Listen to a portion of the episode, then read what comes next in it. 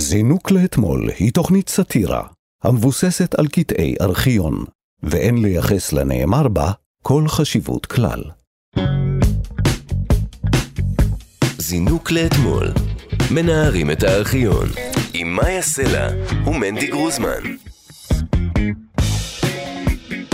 שלום, כאן תרבות, זינוק לאתמול, חזרנו סוף סוף עונה חדשה לתוכנית שבה מדי יום אנחנו ניגשים לארכיון הענק שמאחד את שידורי הטלוויזיה של רשות השידור, הרדיו של כל ישראל והטלוויזיה החינוכית, מנערים היטב ורואים מה נופל. אני מאיה סלע ואיתי נמצא מנדי גרוזמן שלא ראיתי אותו חודשים, שלום מנדי! עכשיו, עכשיו אני יכול לדבר, נכון? עכשיו אתה יכול לדבר. אהלן, איזה כיף לחזור! תראי, ההמתנה כן. בין העונות הייתה לי מאוד קשה, אוקיי. אבל החלק הכי קשה זה היה החלק אחרי שכבר עכשיו התחלנו, ויש את הפסקה הזאת הראשונה שאת אומרת, ראיתי שאתה על וכאילו הכיסא קופץ. עוד לא הצגת אותי, אז אני לא יכול להיכנס כי המאזינים עוד לא יודעים שאני פה, אז צריך נכון. כאילו זה, זה היה לי ממש אם קשה. כי הקריין אמר, מנדי גרוזמן, אה, היה אה, לא היה את הדבר כשאת הזה. אומרת זה רציני. התגעגעת וואי, לתוכנית. אני אוהב את התוכנית הזאת. אה, אגב, חייב לומר שהאזנתי, כאילו, אתה יודע, איך אני יכול לומר שאני אוהב את התוכנית הזאת? כי, כי מגישים אותה גם אנשים אחרים בימים אחרים, ואני מאזין להם. נכון. ממש מאזין להם, וזה פשוט כיף, כיף. אני פתאום קלטתי משהו על הזמן. שההווה הוא פשוט לא כיפי, הוא נהיה כיפי רטרואקטיבית כשהוא הופך לעבר. כאילו, עכשיו זה... אבל צריך איזשהו מרחק זמן, זה כמו תקופת צינון, כי נגיד שנייה... תקופת צינון. בדיוק, כי לא כל שנייה שעברה, היא כבר יכולה להיכנס לגדר עבר. כאילו, השנייה של מקודם תבוא ותגיד, היי, אני כבר, ת, תזכרו אותי בטוב, כי אני כבר שייכת לעבר, אז, לא. אז זה כמו השבחת נכס, זאת אומרת, אז בדיוק. אנחנו חייבים את המשך כדי להשביח את מה שהיה. כן, 200 שנה כזה. תנוחי, היית הרי לא בסדר. הרי, בוא, אנחנו זוכרים אותך כשהיית עובד, היית ממש לא משהו. נכון. 200 שנה, נשכח לך, אבל נתחיל... זה, זה כמו הפולנים שאומרים, אתה עוד תתגעגע אליי. נו, אז זה כזה, אתה כן. עוד תתגעגע אליי. אני אגב אה, שמעתי את התוכנית איזה לילה שהסעתי את הבת שלי לשדה יכול התעופה. להיות שאנחנו מתגעגעים, סליחה שאני עוצר אותך, כי פתאום עלה לי, יכול להיות שאנחנו מתגעגעים לעונה הקודמת גם בקטע נוסטלגי, או שזה באמת היה טוב? לא, אני חושבת שזה היה היה טוב, טוב, אני נסעתי לשדה התעופה, עוד פעם אני אומרת אה, להסיע את הבת שלי, להחזיר אותה, לא זוכרת מה, שתיים בלילה נדמה לי זה היה, אני מחפשת רדיו תחנות, עוצרת רגע בכאן תרבות, בכל זאת Mm. הבית, שומעת קול מוכר, אני שומעת שזאת אני, Hmm. אבל אני לא מבינה על מה אני מדברת. אני לא זכרתי, ונשארתי, אני בדרך כלל לא אוהבת להקשיב לעצמי, כן. אבל זה היה מין, "מ, מעניין, רגע, בוא נשמע את קטעי כן. הארכיון הללו. לא, כי אנחנו באמת פה קריינים, זה אלעד ברנועי, כאן המקום לומר... הכל הוא אה, כותב לנו, נכון? כן, זה עורך חדש. העורך שלנו אלעד ברנועי. חדש. כן, חדש, חדיש ומחודש. אה, בוא, בוא נתחיל, לא? אה, רגע, הפקה ותחקיר, טל ניסן, טכנאי השידור מיכאל אולשוונג, ועוד אז- ועוד. אז תשמע, אנחנו עוד מעט נחזור לפילוג בקיבוץ המאוחד וננסה להבין מה היה שם. אה, אה, זה היה מאוד מאוד סוער. אני, אני זוכרת אפילו אני בתור ילדה, למרות שלא הייתי בתקופת הפילוג, אבל זה כבר, זה היה סוער, היה שם עניינים. אה, אנחנו נדבר היום גם על ניתוחים פלסטיים, מנדי. Mm, אה, שזה גם פעם התחיל באיזה רגע, וזה היה זר ומוזר לעולם, היום זה כבר ממש דבר שכולם עושים, זה עדיין. אישיו אבל. אה, אני, אז זה הרבה פחות אישיו, נכון. נדבר על זה. נדבר על אה, זה. אם זה אישיו או לא אישיו, בוא נגיד שאפשר להאזין לנו מתי והיכן שאתם רוצים, בהסכת שלנו זינוק לאתמול, שזמין באפליקציה ובאתר של כאן, בכל יישומוני ההסכתים, וגם באתר כאן ארכיון, ששם תוכלו גם לראות חלק מקטעי הוידאו שאנחנו משמיעים. אם אתם רוצים להגיב או לבקש קטעים שנשדר כאן, אפשר לכתוב לנו דרך הפייסבוק, זינוק לאתמול. בואו נתחיל. זינוק לאתמול, מנערים את הארכיון. טוב, אה, מנדי, אנחנו חוזרים היום לאחד האירועים שטלטלו את המדינה מעט אחרי הקמתה, הפילוג בקיבוץ המאוחד. כן, הפילוג אה, בקיבוץ המאוחד. אני אני מבין, הבנתי, כבר נשמע שיש איחוד ויש מאוחד, נכון? נכון, נכון. עכשיו, זה שניהם כאילו מדברים על אחדות. על אחדות. כן, זה- הרבה אחדות לא הייתה שם. כן. אה, אנחנו מדברים על שנת 1950, אז התחיל משבר שהוביל לפילוג בתנועה הקיבוצית ברחבי הארץ, ולהפרדה לשתי תנועות אידיאולוגיות, פילוג שגם הוביל לקרעים ממש בתוך משפחות, שאבא הלך לשם והילד הלך לשם, או האישה, כאילו, יש... מה, המשפחות התפרקו על זה? משפחות התפרקו על זה. טוב, אה, זה באמת אחד האירועים הטראומטיים אה, בתולדות המדינה, אני חייב לומר שאני, בלי הרבה ידע בתולדות הקיבוץ, שמעתי על זה, עוד קודם לתוכנית הזאת, ולמרות שעברו מאז כבר יותר מ-72 שנה, אף אחד עדיין לא ממש מבין מה קרה שם, ועל מה למען השם כולם שם כל כך רבו. אולי נשמע איזשהו קטע. חברת קיבוץ אשדות יעקב מספרת שזה התחיל מבן גוריון, זאת טענתה. בוא נראה. זה התחיל מבן גוריון ולמטה. למפא"י לא הייתה מפלגה, והיא הייתה אחדות עבודה, וזה היה הקיבוץ המאוחד בעיקר. בקיבוץ המאוחד הייתה גם חבר הקבוצות, דגניות, והם היו קטנים ומעטים. והרגישו שבקיבוץ יש גם כן כבר חלק שנוטה לעניין הזה, אז פילגו ועשו מפלגה. טוב, זה לא אה, ממש אה, אה מתוך כתבה ששודרה אז ב-1950, לא. זאת, זאת כתבה מ-1993, יומן השבוע, כתבה של עמוס כרמלי, שגם מתבונן מרחוק ומנסה אה, לחזור ולנסות להבין מה בדיוק היה שם. בהמשך נשמע עוד קטעים מתוך אה, אותו, אותה כתבה. אז באמת הגרסה הרשמית של האירוע מתחילה עם קיבוץ אשדות יעקב בעמק הירדן, כשהתגלעה מחלוקת בין חברי מפא"י, שהם היו הרוב אה, בקיבוץ, ובין קבוצה שהייתה שייכת למפ"ם, ביחס למידת הפוליטיקה שצריכה להיות בחינוך הקיבוץ, אבל אנחנו, אנחנו יכולים להגיד אה, שאנחנו מדברים על עולם שבו עדיין יש, אה, יש מלחמה קרה, ויש את הגוש המזרחי, ויש את המערב, ויש סטלין, יש סטלין, 1950 זה שלוש שנים לפני שהוא uh, נכון. התפגר. אז, אז, אז יש את העניין הזה של מה אנחנו צריכים להיות ואיך אנחנו צריכים לחנך את ילדינו הרכים. כן, אז uh, uh, בגדול ככה, המפאיניקים הם, uh, הם קצת כמו העבודה של היום, היא שמאל רך מאוד, הם לא רצו להגזים, שום דבר לא יהיה קיצוני מדי, אנחנו סוציאליסטים, אבל בואו.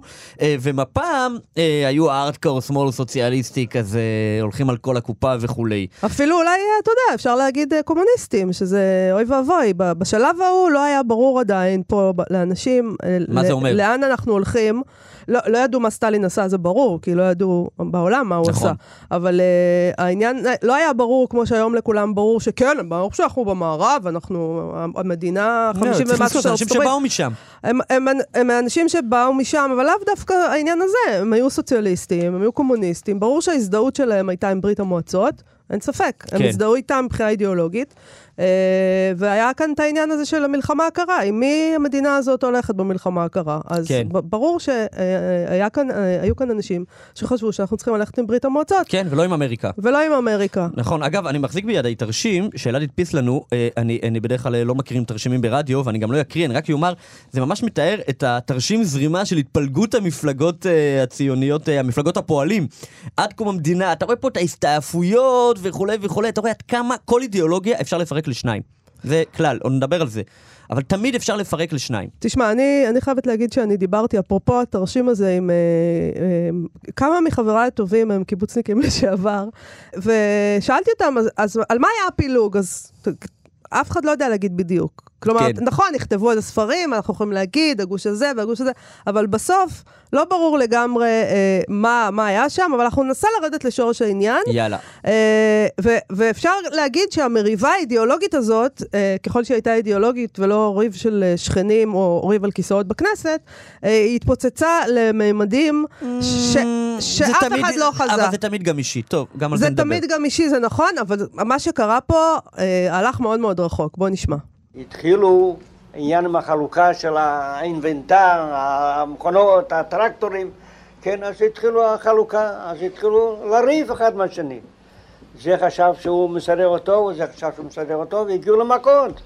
מכות? מכות. איך הוא אומר מכות וזה הפתעה? מכות. אתה נכנס לפלוג הזה, אני כבר שכחתי, אז אתה רוצה להזכיר לי שוב פעם... למה? מה אתה רוצה שאני אספר לך שהאבות הם בנים הרביצו מכות אחד לשני? שאתה רוצה להזכיר לי, להעיר לי לראות בפנים את מה שיש לי? מה קרה, אבל למה? כן. למה זה אני לא יודע. תשאל, תשאל, חבל אה, שבנקין, את הבנקין איננו עכשיו, שאתה לא יכול לשאול אותו. אתה שואל אותי? הציבור רצה לשמוע מזה בכלל? מי זה רצה את הפלוג? זה היה משק לתפארת אשדות יעקב. תשמע, אתה שומע את הכאב של הבן אדם הזה עד כן. היום, זאת אומרת עד אז, שנת 93 כבר, שהוא אומר לו, למה אתה מזכיר לי את זה? מה אתה בא אליי עם הדבר הזה עכשיו בכלל? ותשאל את הבנקין, כאילו זה, זה קיבוצניקים, זה פשוט משהו שאני שומעת הרבה מקיבוצניקים. או, את הבנקין, תשאל כן. את הבנקין, מה קרה? כן, לא, אבל אה, אה, אני סליחה שאני אה, חולק על כבודו, שאמר, מי בכלל רצה את הפילוג הזה? כנראה שרצו, אם היה פילוג, כנראה שרצו. כן, מספיק כן, אנשים כן. מכל צד. בוא נשמע איך הפרידו, שאלת, שאלת אותי איך הפרידו כן. שם, אה, אז אה, אתה יודע, בוא נראה איך הפרידו, גם יהודים מפרידים, יש את אה, תחום המושב, נכון? נכון. אז אולי אה, הם למדו מהיהודים להפריד, נכון. בבקשה. שנה אחרי הפילוג, סעדיה עמרני, 60 שנה באשדוד, רוכב על אופניו על שביל צר, שביל המפריד בין שני הקיבוצים. אשדוד יעקב איחוד מצפון לשביל, אשדוד יעקב מאוחד מדרום לו. והשביל הוא הגבול בין שני הקיבוצים. נראה לך נורמלי ששביל כזה הוא גבול בין שני קיבוצים שהיו פעם קיבוץ אחד? בטח שלא. מצידי זה יכול היה לא להיות. כי לדעתי זה היה טיפשי, אחד הדברים הטיפשיים בחיי, בחיי, אה, בחיי אנשים מבוגרים, שהאידיאולוגיה הייתה למעשה אותה אידיאולוגיה. מלבד אה, קשקוש פה, קשקוש שם, כמו שאומרים, אה, זה שטות. שטות, עשו שטות, מה יש להגיד? תשמע, קשקוש פה וקשקוש שם, אנחנו מדברים על סטלין, לא הייתי קוראת לו קשקוש, אבל כן. בסדר. אה, אגב, זה לא הייתה מחלוקת. דווקא, דווקא בנושא הזה הם שניהם איכשהו לא בדיוק... טוב, הם לא הבינו, הם לא ידעו מה קורה, אבל לא הם היה... עוד לא ידעו מה קורה, אבל כן הייתה מחלוקת מאוד מאוד רצינית לגבי העניין הזה של אה, אנחנו עם המערב או עם המזרח. כן. אה, בכל מקרה, כנראה שרוב האנשים, כמו שקורה בדרך כלל, הרי המנהיגים מייצרים לנו מלחמות, או מחלוקות, או ייחודים, או פירודים, ואנחנו, מה אנחנו? אנחנו לא, אנשים לא, אני פשוטים. לא מסכים עם זה, לא מסכים אתה עם לא זה. מסכים? אוקיי. לא, למה? לא, כי ככה, כי... מה, כי- האנשים אצלכם אה, בגור, הם באמת בעניין הזה של המאבק בין הרבי מגור שני לאח שלו? מנהיגים שיריבו לא יצליחו ליצור מריבה ציבורית אם לאחד לא יהיה ציבור ששש אלי מלחמה ואלי קרב ולצד השני גם יהיה ואני אגיד לך עוד משהו בני אדם אוהבים מלחמות אנחנו ששים אליי קרב, אה, לא קל, לא- קל לה- להבעיר לא, אותנו, זה קל נכון, אבל אחר כך אם. תשאל, עכשיו אני אשאל מישהו מגור, מה ההבדל בין, בין הרבי מגור לאח שלו? מה, מה ההבדל? מה, נו, אין הבדל, מה ההבדל? הם לא יודעים בעצמם, מה, על מה הם רבים בעצם? בסדר אז, אז אוקיי אז זה לא קשור אבל למנהיגים זה סתם שתי קבוצות שאוהבים לא אוהבות לריב בסדר, אז אנשים אוהבים לריב, זה המסקנה שלך. מה. השאלה בכלל? אני אף פעם לא מצליחה לזכור את זה. אני לא יכולה להגיד לך כמה פעמים ניסיתי לזכור מה ההבדל בין המאוחד לאיחוד. אז עכשיו נשמע כתבה מבאמת אה, אה, הרבה יותר מוקדם, כן סמוך יותר יחסית לזמן האירועים, מ-79, שבאותה תקופה מה שתרגר מחדש את הנושא הזה לסדר היום זה דווקא מה שאמרנו, הניסיונות לאיחוד. אגב, זה קרה שנתיים אחרי המהפך. אה, תחשוב הנה, על הדבר הזה, המדינה, בינתיים גנבו להם את המדינה. בוא כן. נודה בזה, גנבו לכם את המדינה ואתם עוד מתעסקים בשטויות לא, שלכם, צריך גם באמת. להחליט מי נגנב, ממי גנבו. ממי גנבו? יפה. אז הכתבה של חגי חיטרון, אה, חברת קיבוץ מעוז חיים בעמק בית שאן, מדברת על ההבדלים בין חברי האיחוד למאוחד. אולי נבין סוף סוף על מה מדובר פה. זה נכון שתמיד האיחוד הוא המוביל בדרך ליתר ליברליזציה? זה נכון במידה רבה, אה, בגלל השוני בין היתר בין באוכלוסיות של הקיבוץ המאוחד והאיחוד. האיחוד אמנם היה הרבה יותר פתוח לליברליזציה, אבל הוא גם זה שקלט יותר אה, עולים מהארצות האנגלוסקסיות וכדומה. מה עם טלוויזיות בחדרים? יש במאוחד גם כן? יש כבר מזמן. ומה עוד יש באיחוד כבר בתחום הליברליזציה שאין עוד במאוחד? עניין הלינה המשפחתית, זה רק באיחוד? לא. בשניהם. יש כמה קיבוצים של הקיבוץ המאוחד שהתחילו, לה, שהתחילו להכניס את הלינה המשפחתית. ובאיחוד זה טוטאלי. כמה שידוע לי כן. מה, תעשי לי רגע סדר, האיחוד זה מפאי או מפ"ם? האיחוד זה מפא"י, הליברליזציה זה כנראה אלה שלא הלכו, אה, נהו אחרי אה, ברית המועצות, אוקיי? אה, זה אלה שהתפצלו והלכו והקימו מקום יותר ליברלי. טלוויזיות בחדרים, ביטלו יותר מהר את הלינה המשותפת. כן. על, לא חותמת עכשיו על מה שאמרתי. אוקיי. זה, ככה הבנתי. כן. את מה שקורה שם, ואני תמיד מנסה לא, לא לשכוח את הדבר הזה, זה מאוד מאוד קשה. כי בסוף, גם כשאנחנו מסתכלים על זה היום, מה, הכל ממילא קרס, כל הרעיון הסוציאליסטי, אה, כל העניין הזה של הקיבוץ לא כך... בא הקפיטליזם, דרס הכל, ובא המהפך, חביבי. כן. אה, אה, אולי נשמע את עמוס עוז ואז קצת נדבר קצת אל במבט של... תגיד סתם, אולי נשמע את עמוס עוז. יש. לנו פה את עמוס עוז, חבר. קיבוץ חולדה, זה לא צחוק, הוא היה אז בן 40. הוא אמר אה, שאף אחד אה, אה, לא ממש זוכר אה, את הפילוג הזה, שמלכתחילה היה מיותר, אה, שהם נזכרו באיחור אה, לריב, היה לו כאן איזה... איזה זה, זה בן אדם שאתה יודע, אז נשאו אליו אה, עיניים, כן, הוא היה חבר קיבוץ. הוא היה חבר מועצת גדולי התורה של הקיבוצניקים כזה. הוא לא היה המועצה. האדמו"ר שלנו, חביבי, וואו. בבקשה. אני חושב שהזמן לאיחוד הזה הגיע לא עכשיו, אלא לפני עשר, ואולי לפני עשרים, ואולי לפני שלושים שנה. עכשיו בגרנו להכיר את פניה של המציאות, וראינו שהמחלוקות בינינו, אגב לא רק בין האיחוד והמאוחד, גם בין שתיהן לבין הקיבוץ הארצי, הן מגוחכות ביחס למחלוקת העמוקה בינינו לבין ההוויה הבסיסית בארץ, שאותה התיימרנו לשנות. גילינו את זה מאוחר. אינני חושב שעכשיו הזמן לאיחוד. עכשיו מאוחר מאוד, אבל מוטב מאוחר מאשר מאוחר מדי. טוב, עמוס עוז כתמיד הוא אדם מאוד מאוד רהוט. מוטב מאוחר מאוד מאשר מאוחר מדי. הוא כזה, הוא... הוא... כן, הוא אהב אה, משחקי מילים שכאלה. אה, נשמע שהוא מבין גם את העניין הזה של, אה, בעצם הוא לא אומר את זה ככה, אבל גנבו לנו את המדינה. על מה אתם מדברים בכלל? אנחנו הנה, כבר לא שם. הוא ממש הרים לי למה שרציתי לומר, כי שימי לב מה הוא אומר. א', הוא מזכיר על הדרך עוד מחלוקת. אגב, גם את המחלוקת בינם לבין הקיבוץ הארצי, מסתבר שהייתה פה עוד מחלוקת. אבל מה הוא אומר? למה המחלוקות הללו לא רלוונטיות? כי הן קטנות לעומת הפער שבינינו לבין הוויה אחרת בישראל אה, של אותם הימים. כשניסינו לשנות את ההוויה הבסיסית, שאינני יודעת למה הוא מתכוון, על ההוויה הבסיסית הזאת, האם הוא מתכוון לימין, האם הוא מתכוון למזרחי, מה, על מה, מה זו ההוויה לא, הבסיסית? אה, דעתי באמת... שניסו לשנות ולא הצליחו תראי, בעצם. הרי אני- אתם הייתם בשלטון, מה זה ניסיתם לשנות את ההוויה הבסיסית? אני, אני, כששומעים את הוויכוחים אז אה, על הקיבוצים, אה, בשנות ה-50, היו שם גם אנשים עם שיעור קומה. אה, אינטלקטואלים של השמאל, מכאן ומכאן, וזה באמת תענוג. הם כן. לקחו את זה מאוד ברצינות, האידיאולוגיה הייתה מאוד מאוד חשובה. אני חושבת שהיום אנחנו חיים בעידן לא אידיאולוגי כל כך, אז יכול להיות שבגלל אגב, זה סתם, אנחנו גם, קצת גם כמהים מבחינה לזה. מעשית, אה, השאלה נגיד, האם ילדים ישנים בחוץ או בבית, הדבר שהוא יישומית זה שאלה מפגרת, זה כל אורח החיים, שלא לדבר על מה שהיא בעצם עוצרת בתוכה שני הצדדים, זה עד כמה הרעיון חודר את הבית, את חומות הבית, האם יש איזה פינה שהיא לא קיבוץ או הכל קיבוץ, את יודעת, הכל שפיט, הכל קיבוצי, זה שאלות באמת שאלות גדולות. הרות גורל, ללא- ללא ממש. ספק, ללא ספק. אה, כן, אה, חבל שלא רבו על זה יותר ויותר כן. מוקדם, על העניין של הלינה וחבל משותפת, כי שהצד- יש הרבה ניצולים... וחבל שלא אה, ניצחו אלו ש... ו- בדיוק, את, בדיוק. אה, זה נושא כואב מאוד אצל כן. אה, רבים. אה, בוא נמשיך. יאללה. זינוק לאתמול. טוב, אנחנו אה, כאן תרבות, זינוק לאתמול, מנערים את הארכיון יאללה. ורואים מה נופל, נפל עוד ועכשיו משהו. אה, אנחנו מדברים על בוטוקס וניתוחים פלסטיים. כן, אה, נפל לנו ניתוחים פלסטיים מהארכיון. כן. נפלו. נפל בוטוקס? אה, יהיה גם בוטוקס. כן. אה, תראה, מה שקורה זה שהפנים נופלות, ואז אתה חייב להרים אותם. הארכיון נופל. אולי צריך לעשות איזה. ניתוח בוטוקס לארכיון, שלא ייפלו ממנו כל מיני בדיוק.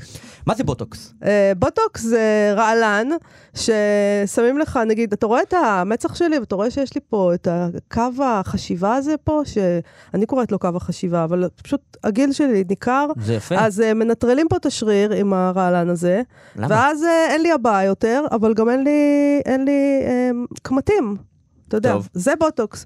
Uh, יש גם ניתוחים פלסטיים שפשוט מותחים את הפרצוף. ולמה? כדי שאני אראה צעירה ויפה. Mm. כמובן, זה מה שכולנו רוצים להיות.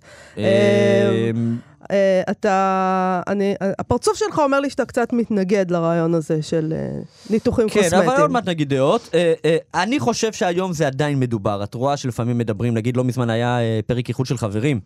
אה, לא ראיתי, ו- נו, מה? דיברו שם על אה, נכון, הדבר הזה? נכון, כולם שם בוטוקס. אה, לא, אה, כולם היו, וזה העלה שוב את, ה, את הדיון הזה, האם זה, לא אם ראוי או לא, כל אחד שיעשה מה שהוא רוצה, אבל האם זה נכון, מבחינה לא יודע מה. אה, אז אני כן חושב שעד היום זה דיון, אבל בטח קל וחומר, ועל אחת כמה וכמה, שזה כשזה התחיל, זה עוד יותר היה דיון. אגב, מתי זה התחיל? שנות ה-70-80. נכון. הניתוחים הפלסטיים אז אה, נהיו נורא פופולריים בארצות הברית, והגיעו גם לארץ, ואנחנו נשמע קצת מהאופן שבו סיקרו את זה בתקשורת הישראלית. אתה יודע, כאילו זה מין חצץ בשיניים, הם מדברים על זה, הם לא יודעים איך בדיוק להסביר. את הדבר הזה. שמעת מה קראתי לרוזנשטיינים? בדיוק, הם- כזה. האישה שם עשתה בוטוקס.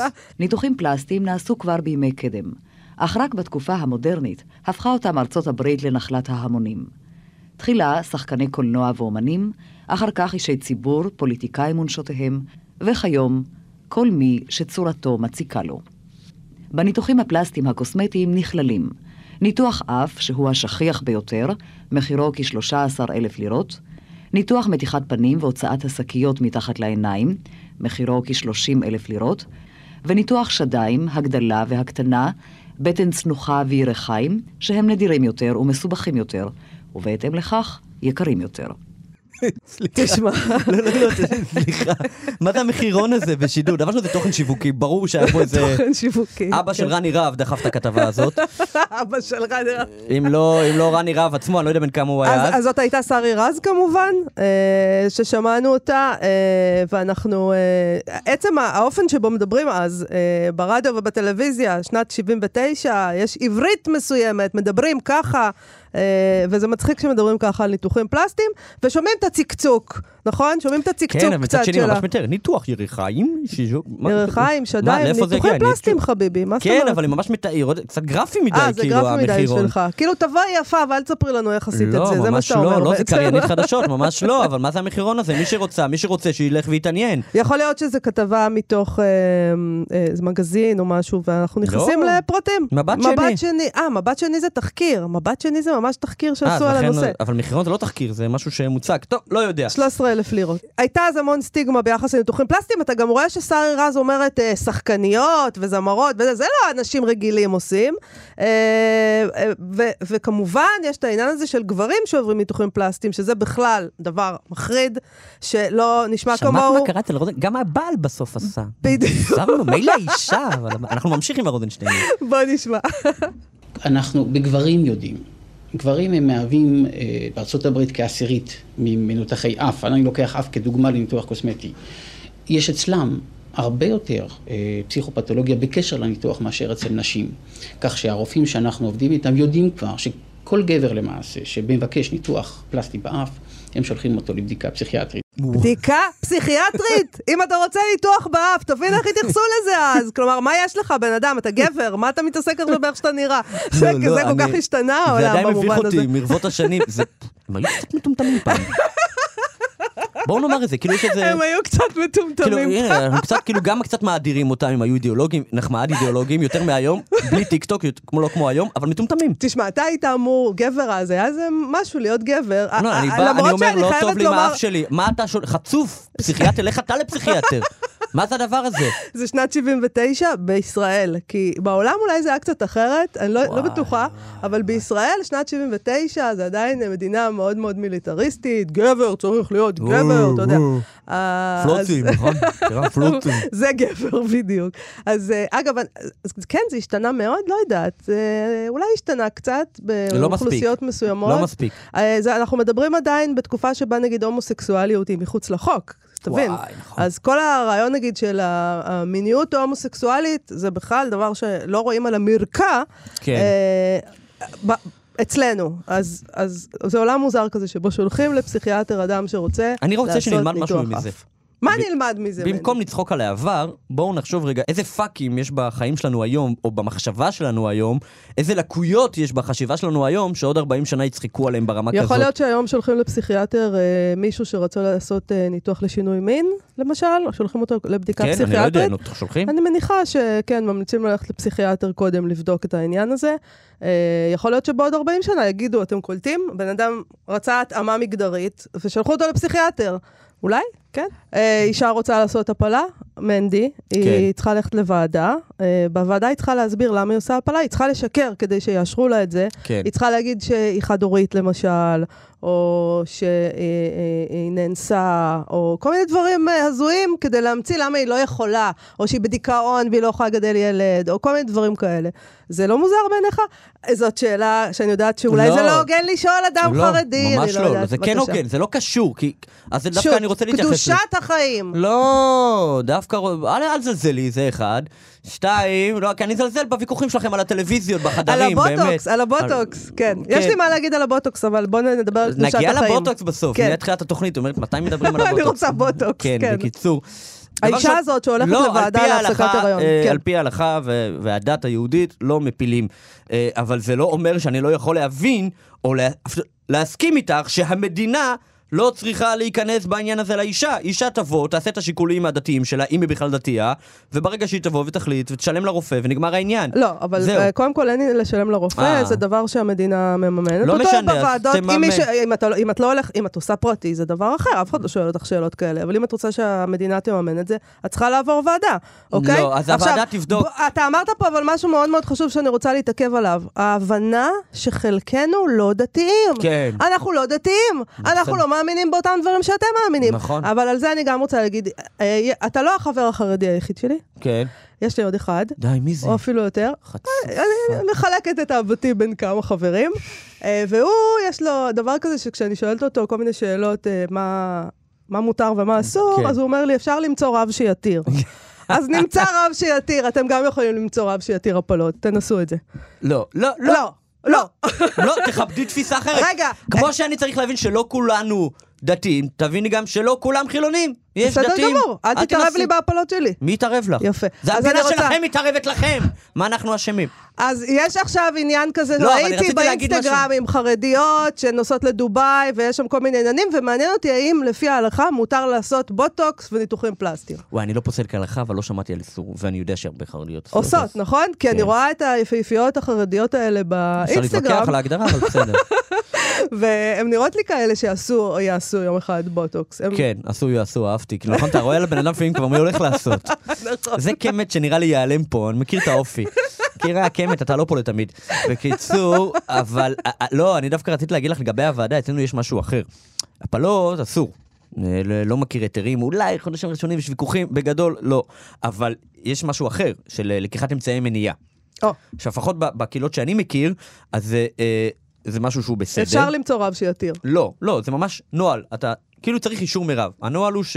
לא, לא פומבית. כאילו, אתה ברור. מול עצמך. כן. אה, צריך, לא משנה איזה רב, רב שהוא מוסמך, אתה צריך אישור מרב. עכשיו, מה שקורה זה שזה הרב, הרבנים היום, זה חותמת גומי. הם, אתם, אני לא, לא עשיתי את זה, רק התחתנתי, אבל אנשים מתקשרים, ואני יודע מחברים שלי, והוא כאילו מוביל אותך מה לענות כדי שהוא יוכל להתיר. אה, הוא אומר, קשה, נכון? קשה קצת כלכלית. עכשיו, בואו, תמיד קשה כלכלית, כן. זה, אוקיי, זה כאילו כולם כן, הם מקבלים. אז כן. בסדר, זה גם ועדות צריכות לדעת אה, איך לעבוד. אה, מה רצית להגיד על בוטוקס? אה, אני רוצה להגיד על בוטוקס משהו כזה. היום כולם עושים בוטוקס, באמת, זה דבר ש... זה- שוב, זה בוטוקס כבר זה לא- האף? לא, לא, לא. יש ניתוח אף, זה דבר, Mm. זה ניתוחים פלסטיים. אז יש ניתוח אף. בוטוקס זה שמזריקים פה מילוי אה, במקומות שצריך בפנים, כדי להרים אה, את הפנים שנופלות. אתה לא יודע אהה. את זה כי אתה עוד צעיר, אבל אהה. אני הייתי יפה יותר לפני 20 אהה. שנה, למשל. אז אהה. יכול להיות שאני צריכה לעשות בוטוקס. אבל אני רוצה להגיד דבר כזה. יש משהו אה, שנהיה בעולם הזה מאוד מאוד קמפי. קמפיות זה מין אסתטיקה של הדברים המוגזמים, הקיצ'ים, הגרנדיוזיים, אתה יודע, כן. דבר כזה. הבוטוקס, כאילו, אה, כולם עושים היום בוטוקס וכולם נראים נורא נורא קמפים, ומכיוון שהקמפיות זה אה, דבר שאמור להיות, איזה מין עודפות כזאת, וזה וזה אמור להיות דבר נורא קיצוני ונורא נורא איזוטרי ותיאטרלי, אני, אני תוהה מה נשאר מה... האם זה עדיין camp, אם כולם נראים אה, מפוסלים בצורה הזאת? תהייה כזאת של אולי צריך כבר להמציא משהו אחר. למשל, אני לא עשיתי בוטוקס, ואני האדם הקיצוני באמת. אתה מבין? מעניין. אני אה, הקאמפ האמיתי. כן, אני, זה אה, אני, זאת נכון, אני. את האנדרדוגית. אני, זה האנדרדוגית, ואני הדבר התיאטרלי האמיתי. תראו אותה עם קמטים. מה. זה? יש לה הבעה. איזה יפה זה. איזה יפה זה. תשמע, זה לא. יפה, אבל אני אגיד לך משהו. כשאימא שלי הגיעה לגיל 60, היא אמרה לי את המשפט המעולה, ואני ממש התחלתי להזדהות עם זה, אז הייתי עוד צעירה, אבל עכשיו אני כבר מזדהה עם זה. היא אמרה לי, רגע, אם אני אעשה בוטוקס, אני לא אהיה בת 60? וזה היה מין, נכון, את יכולה לעשות בוטוקס עד מחר, אבל את עדיין. בת 60. אישה כן. חכמה מאוד. אז אה, בוא שלך? נשמע שחקניות אה, שמדברות על ה... אתה יודע, דיב... אמרו שאז שחקניות וזמרות עושות בוטוקס, אז אה, יש כאלה שדיברו בצורה גלויה על הטיפולים שהן עברו, אה, אה, אבל, אבל אתה יודע, ב- אנחנו מדברים על זמנים שזה לא היה נהוג, ואחד המקרים הראשונים האלה בארץ היה בשנת 88. זוהיר בהלול דיבר בתוכנית נקודת מוצא עם השחקנית מרים גבריאלי, אז היא הייתה בת 53, לגבי הניתוחים הפלסטיים שהיא עברה, ואני זוכרת, מנדי, לא את התוכנית הזאת, אבל אני זוכרת את הדבר הזה שאז אנשים סיפרו בגילוי לב על הניתוחים הפלסטיים, וזה היה עניין, זה היה כאילו, וואו, איזה אומץ. בוא נשמע. לפני מספר חודשים סיפר לנו עיתון ידיעות אחרונות על הניתוחים הפלסטיים שעברה, אני מקווה שאתם זוכרים, השחקנית שר, עם כל החיצים, אם אתם זוכרים את התמונה הזו. על כל פנים, יושבת איתנו באולפן השחקנית הישראלית מרים גבריאלי, שעברה לאחרונה ניתוחים פלסטיים, אמנם לא באותו קנה מידה, אבל ניתוחים פלסטיים מסוימים. את יכולה לחשוף בפנינו פחות או יותר אה, איזה ניתוחים את עברת? אני בעצם עברתי את הניתוח הקונבנציונלי, הייתי אומרת, של אה, מה שנקרא facelifting. הרופא שאצלו עשיתי את זה עובד בשיטה שהיום כבר יותר ויותר מקובלת של קיצור השריר. כשיש נפילה של הפנים עם הגיל, יש נפילה גם של השריר, והם פשוט מקצרים את השריר, ואחר כך מניחים על זה שוב את האור, ואז אתה מקבל שוב קונטורות ותחושה של אור מתוח וחלק יותר. אפשר להגדיר את זה כסבל בל יתואר? לא, הסיפור לא, הזה? לא. יש אה, כמה רגעים לא נעימים, אה, זה לא בדיוק פיקניק, אבל אה, לא, אני לא הייתי מגדיר, דווקא לי כל התקופה הזאת זכורה כחוויה. טוב, שמת לב שיש לה פאוזות כאלה כשהיא מדברת, של מין, אוקיי, האם אני באמת עושה את זה? ככה אני שומעת את הסאבטקסט של, אני באמת מספרת להם את הדבר הזה, הסוד כן. הכמוס הזה? וכמובן, האם זה סבל בל יתואר? לא. לא, מה פתאום? כן. אבל זה בסדר, אנחנו היינו במחנות, אז מה זה, אתה יודע, ניתוחים פלסטיים. מצד שני, עוד מעט היא תספר לנו שאולי זה בעצם כן סבל אה, בל יתואר. כי הרי, בוא נודה בזה, ניתוחים פלסטיים זה סבל בל יתואר. למה, זה זה הרדמה מלאה? ברור, נו. זה, והח- זה החלמה קשה, וניתוחי חזה למשל, אה, שכולם עושות uh, ציצי, זה נכון, אבל ההחלמה מהדבר הזה זה כל כך כואב, נכון שבסוף, אחרי שיש לך ציצי יפה, אז את שוכחת מהכאב, כי בכל זאת, אתה יודע, אפשר ליהנות. בכלל ניתוחים זה לא משהו. כן, אבל אם חייבים, זה- חייבים, השאלה אם חייבים. נכון. אז בוא נשמע אה, אה, את מרים גבריאלי מדברת על הצדדים הפחות יפים של הטיפולים האלה. ואז אתה מתחיל להתמודד עם המציאות הזאת, כי גם אין לך מושג מה בעצם עשו לך ואיך תיראה בסוף. כן. אז אתה מחכה באיזה חיליון עיניים כל יום להסתכל עוד פעם, אולי כבר ירד משהו, אולי כבר אני יכול... ובתהליך הזה יש uh, תחושה פתאום אה, של... מה הייתי צריך את כל הסיפור? מה, הייתי בסדר גם קודם. למה נכנסתי לכל הצרה הזאת? ועכשיו מי יודע, אלוהים יודע איך אני בכלל אראה בסוף. וכשבאתי לרופא ובכיתי ואמרתי, יש לי דיפרסיה איומה, וחברים טלפנו לי, כי זה לא היה בארץ, אז טלפנו לי, אמרו לי, מרים, איך את נראית? אמרתי, כמו המבורגר, אני לא יודעת. ואני באתי ובכיתי, והוא אומר לי, זה לפי הספר, ביום השלישי יש גם דיכאון. טוב, אני אגיד לך משהו. כן. אה, אני לא המדינה, ואני לא ועדה שמאשרת, ולכן אני כן רוצה להמליץ לעצמי, לכל אחד, אה, שלפני שהוא עושה את הדבר הזה, לא מבחינה חוקית, אבל שבאמת יברר עם עצמו, הוא רוצה ללכת לפסיכולוג, שילך, פסיכיאטר, שילך, חבר טוב, מה שהוא רוצה. אני חושב שזה, אה, אסור שזאת תהיה החלטה בזיזה, פשוט בשביל הבן אדם. אני בכלל חושב שאני לעולם לא אעשה את זה, כי... תראי, אתה בכלל להפקיד את הגוף שלך בידי מנתח. אבל זה- אתה זה עם זקן, אימים. אתה יודע, אם הייתי יכולה לגדל זקן, זה היה פותר לי המון המון בעיות, כי. כל הנפילה של הפנים, מדביקים. אם הייתי יכולה פשוט להסתובב עם זקן, זה היה ממש את יכולה פותר לי את להפוך הקטע להיות הזה. אה, מנשות השאלים שעושות עצמם לגמרי. אגב, נסי. המסכות של הקורונה, אתה לא מבין. אני הולכת עם מסכה ברחוב, אה, יש בחורים צעירים שמתחילים איתי באותו רגע. באמת? כי העיניים, אה, אתה יודע, לעיניים אין גיל, אין העיניים של גיל. מאי לסלע, זה... כל תל אביב מדברת על העיניים של אני מאי יודעת לסלע. שהקורונה תימשך לנצח ואני לא אצטרך בכלל בוטוקס. היא תימשך, תרגי. אבל אני אגיד לך משהו, אני, אני באמת, להפקיד את הגוף שלך בידי מנתח זה משהו שהוא נורא מפחיד. אתה נכנס, אתה גם בלי שליטה, אתה מורדם, הוא מתחיל לנבור לך. עכשיו, לפעמים, השם ישמור, אין ברירה. אבל עכשיו, פה זה לא רק להפקיד את הגוף שלך. מה הוא יעשה, אלא זה להפקיד את המראה שלך. כאילו, אתה יכול לאהוב את המראה שלך או לא לאהוב את המראה שלך, אבל יש איזה קרקע מאוד יציבה שמגיל אפס אתה זוכר את עצמך מסתכל במראה ויודע איך אתה נראה. לא, אבל זה מאוד וה- יפה מה שאתה אומר, הרגע הזה, היפי, הרגע, אבל- שנייה, לא, לא היפי בכלל. את לא שומעת, אני פשוט מפחד, אני מסביר למה אני לא אעשה את זה. כי, את יודעת, אני, אני, באמת מעניין אותי הרגע הזה שאחרי שבן אדם מנותח, והוא ניגש למראה. זה מאוד מעניין אותי הרגע הזה, ומה הוא רואה. ואם, זה, זה, זה מפחיד. כאילו, ואם פתאום, לא יודע, תחשב... לא, הם לא עושים לו פרצוף אחר, הם, הם משפצים לו את הפרצוף לא כדי משנה. להחזיר אותו לקדמותו. באופן עקרוני זה אמור להיות לא. ככה, ואני רוצה להגיד לך כזה דבר, שאתה מסתובב ברחוב, אה, בעולם הזה, ואתה נגיד שאת בת 50, אוקיי? אז את לא מסתובבת עם התודעה של הפרצוף שלך כמו שהוא באמת. את... אה, האדם הזה, את זוכרת את עצמך בת 20, בת 30, נכון? ואת עוברת ליד מראה, וזה מפחיד. כי אז את יושבת, את פתאום רואה איך את באמת נראית. את, זה מפחיד. בוטוקס פתאום נראה לך כמו אופציה לא כזאת גרועה, בוא נחזיר את זה קצת לאיך שהייתי לפני עשר שנים. את? חושבת שאחרי שמישהי אה, עושה בוטוקס, היא כבר לא מרגישה בת 50? אם היא מרגישה... תראי, אני, אני אה, לא מכיר את זה. אני כן אה, אה, הכרתי כמה אה, נשים אה, שעשו אה, ניתוח קיצור קיבה או דברים כאלה. זה משהו אחר. ו, אה, אני ואני חושבת. יכול לומר שזה מבחינתם היה תהליך מאוד מאוד מאוד נפשי ארוך, ו- ואם הי- הי- הייתה להם איזושהי אה, חוסר נוחות מעצמם לפני, היא לאו דווקא נעלמה אחרי. אה, ו- תשמע, אנחנו בסוף צריכים להסתובב עם עצמנו, איך שאנחנו לא... נכון. עכשיו, אני אגיד לך עוד משהו, יש איזשהו עניין כזה, אולי בגלל כל מיני, אה, שהמדינה באמת מתערבת לנו בהרבה עניינים, אז כל פעם שמדברים על משהו, אומרים, "רק זכותו לעשות כל אחד מה שהוא רוצה. אז אוקיי, מבחינתי זה המובן מאליו. זכותו לעשות כל אחד.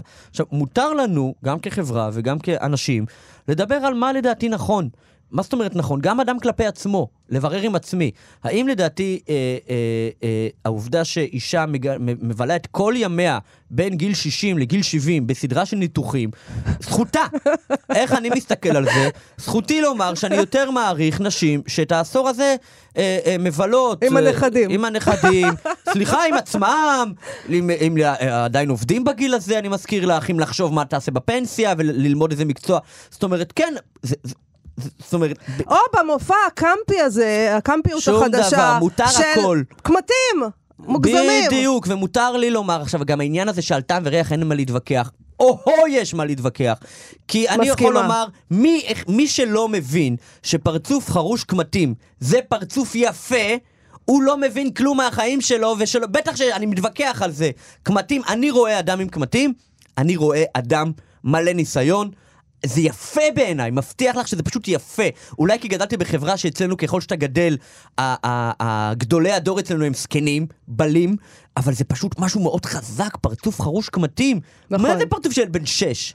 זה נכון, שזה אבל... מתוק אז מאוד, אני אבל זה אסביר משהו לך אחר. משהו. אה, נשים היום אה, השתנו, אנחנו לא רוצות להיות חכמות. אה, אנחנו- אנחנו חכמות כבר, כן? לא אבל... הבנתי, חשבתי שפעם רציתם אני, להיות... העניין הוא שאנחנו רוצות להיות נחשקות. בוא נדבר על זה. אתה לא, מבין? דווקא גם בגיל 60 את רוצה עדיין להיות נחשקת, את רוצה עדיין להיות יפה, את רוצה עדיין להיכנס לחדר, שכולם יסתכלו עלייך. הם מסתכלים עלייך, הם יודעים שאת בת 60 פשוט, זה אולי את קצת שוכחת, אבל את קצת, הוודג', קצת אה, מרימים אותו. הכל עניין של מינון, תעשי אם את רוצה, זה לא שאני חלילה אני נגד. שוקלת את זה, מנדי, אני אודיע לך כשאני אחליט. איך בינתיים? אני מסתפקת במסכת קורונה, אז זה עושה יופי של עבודה.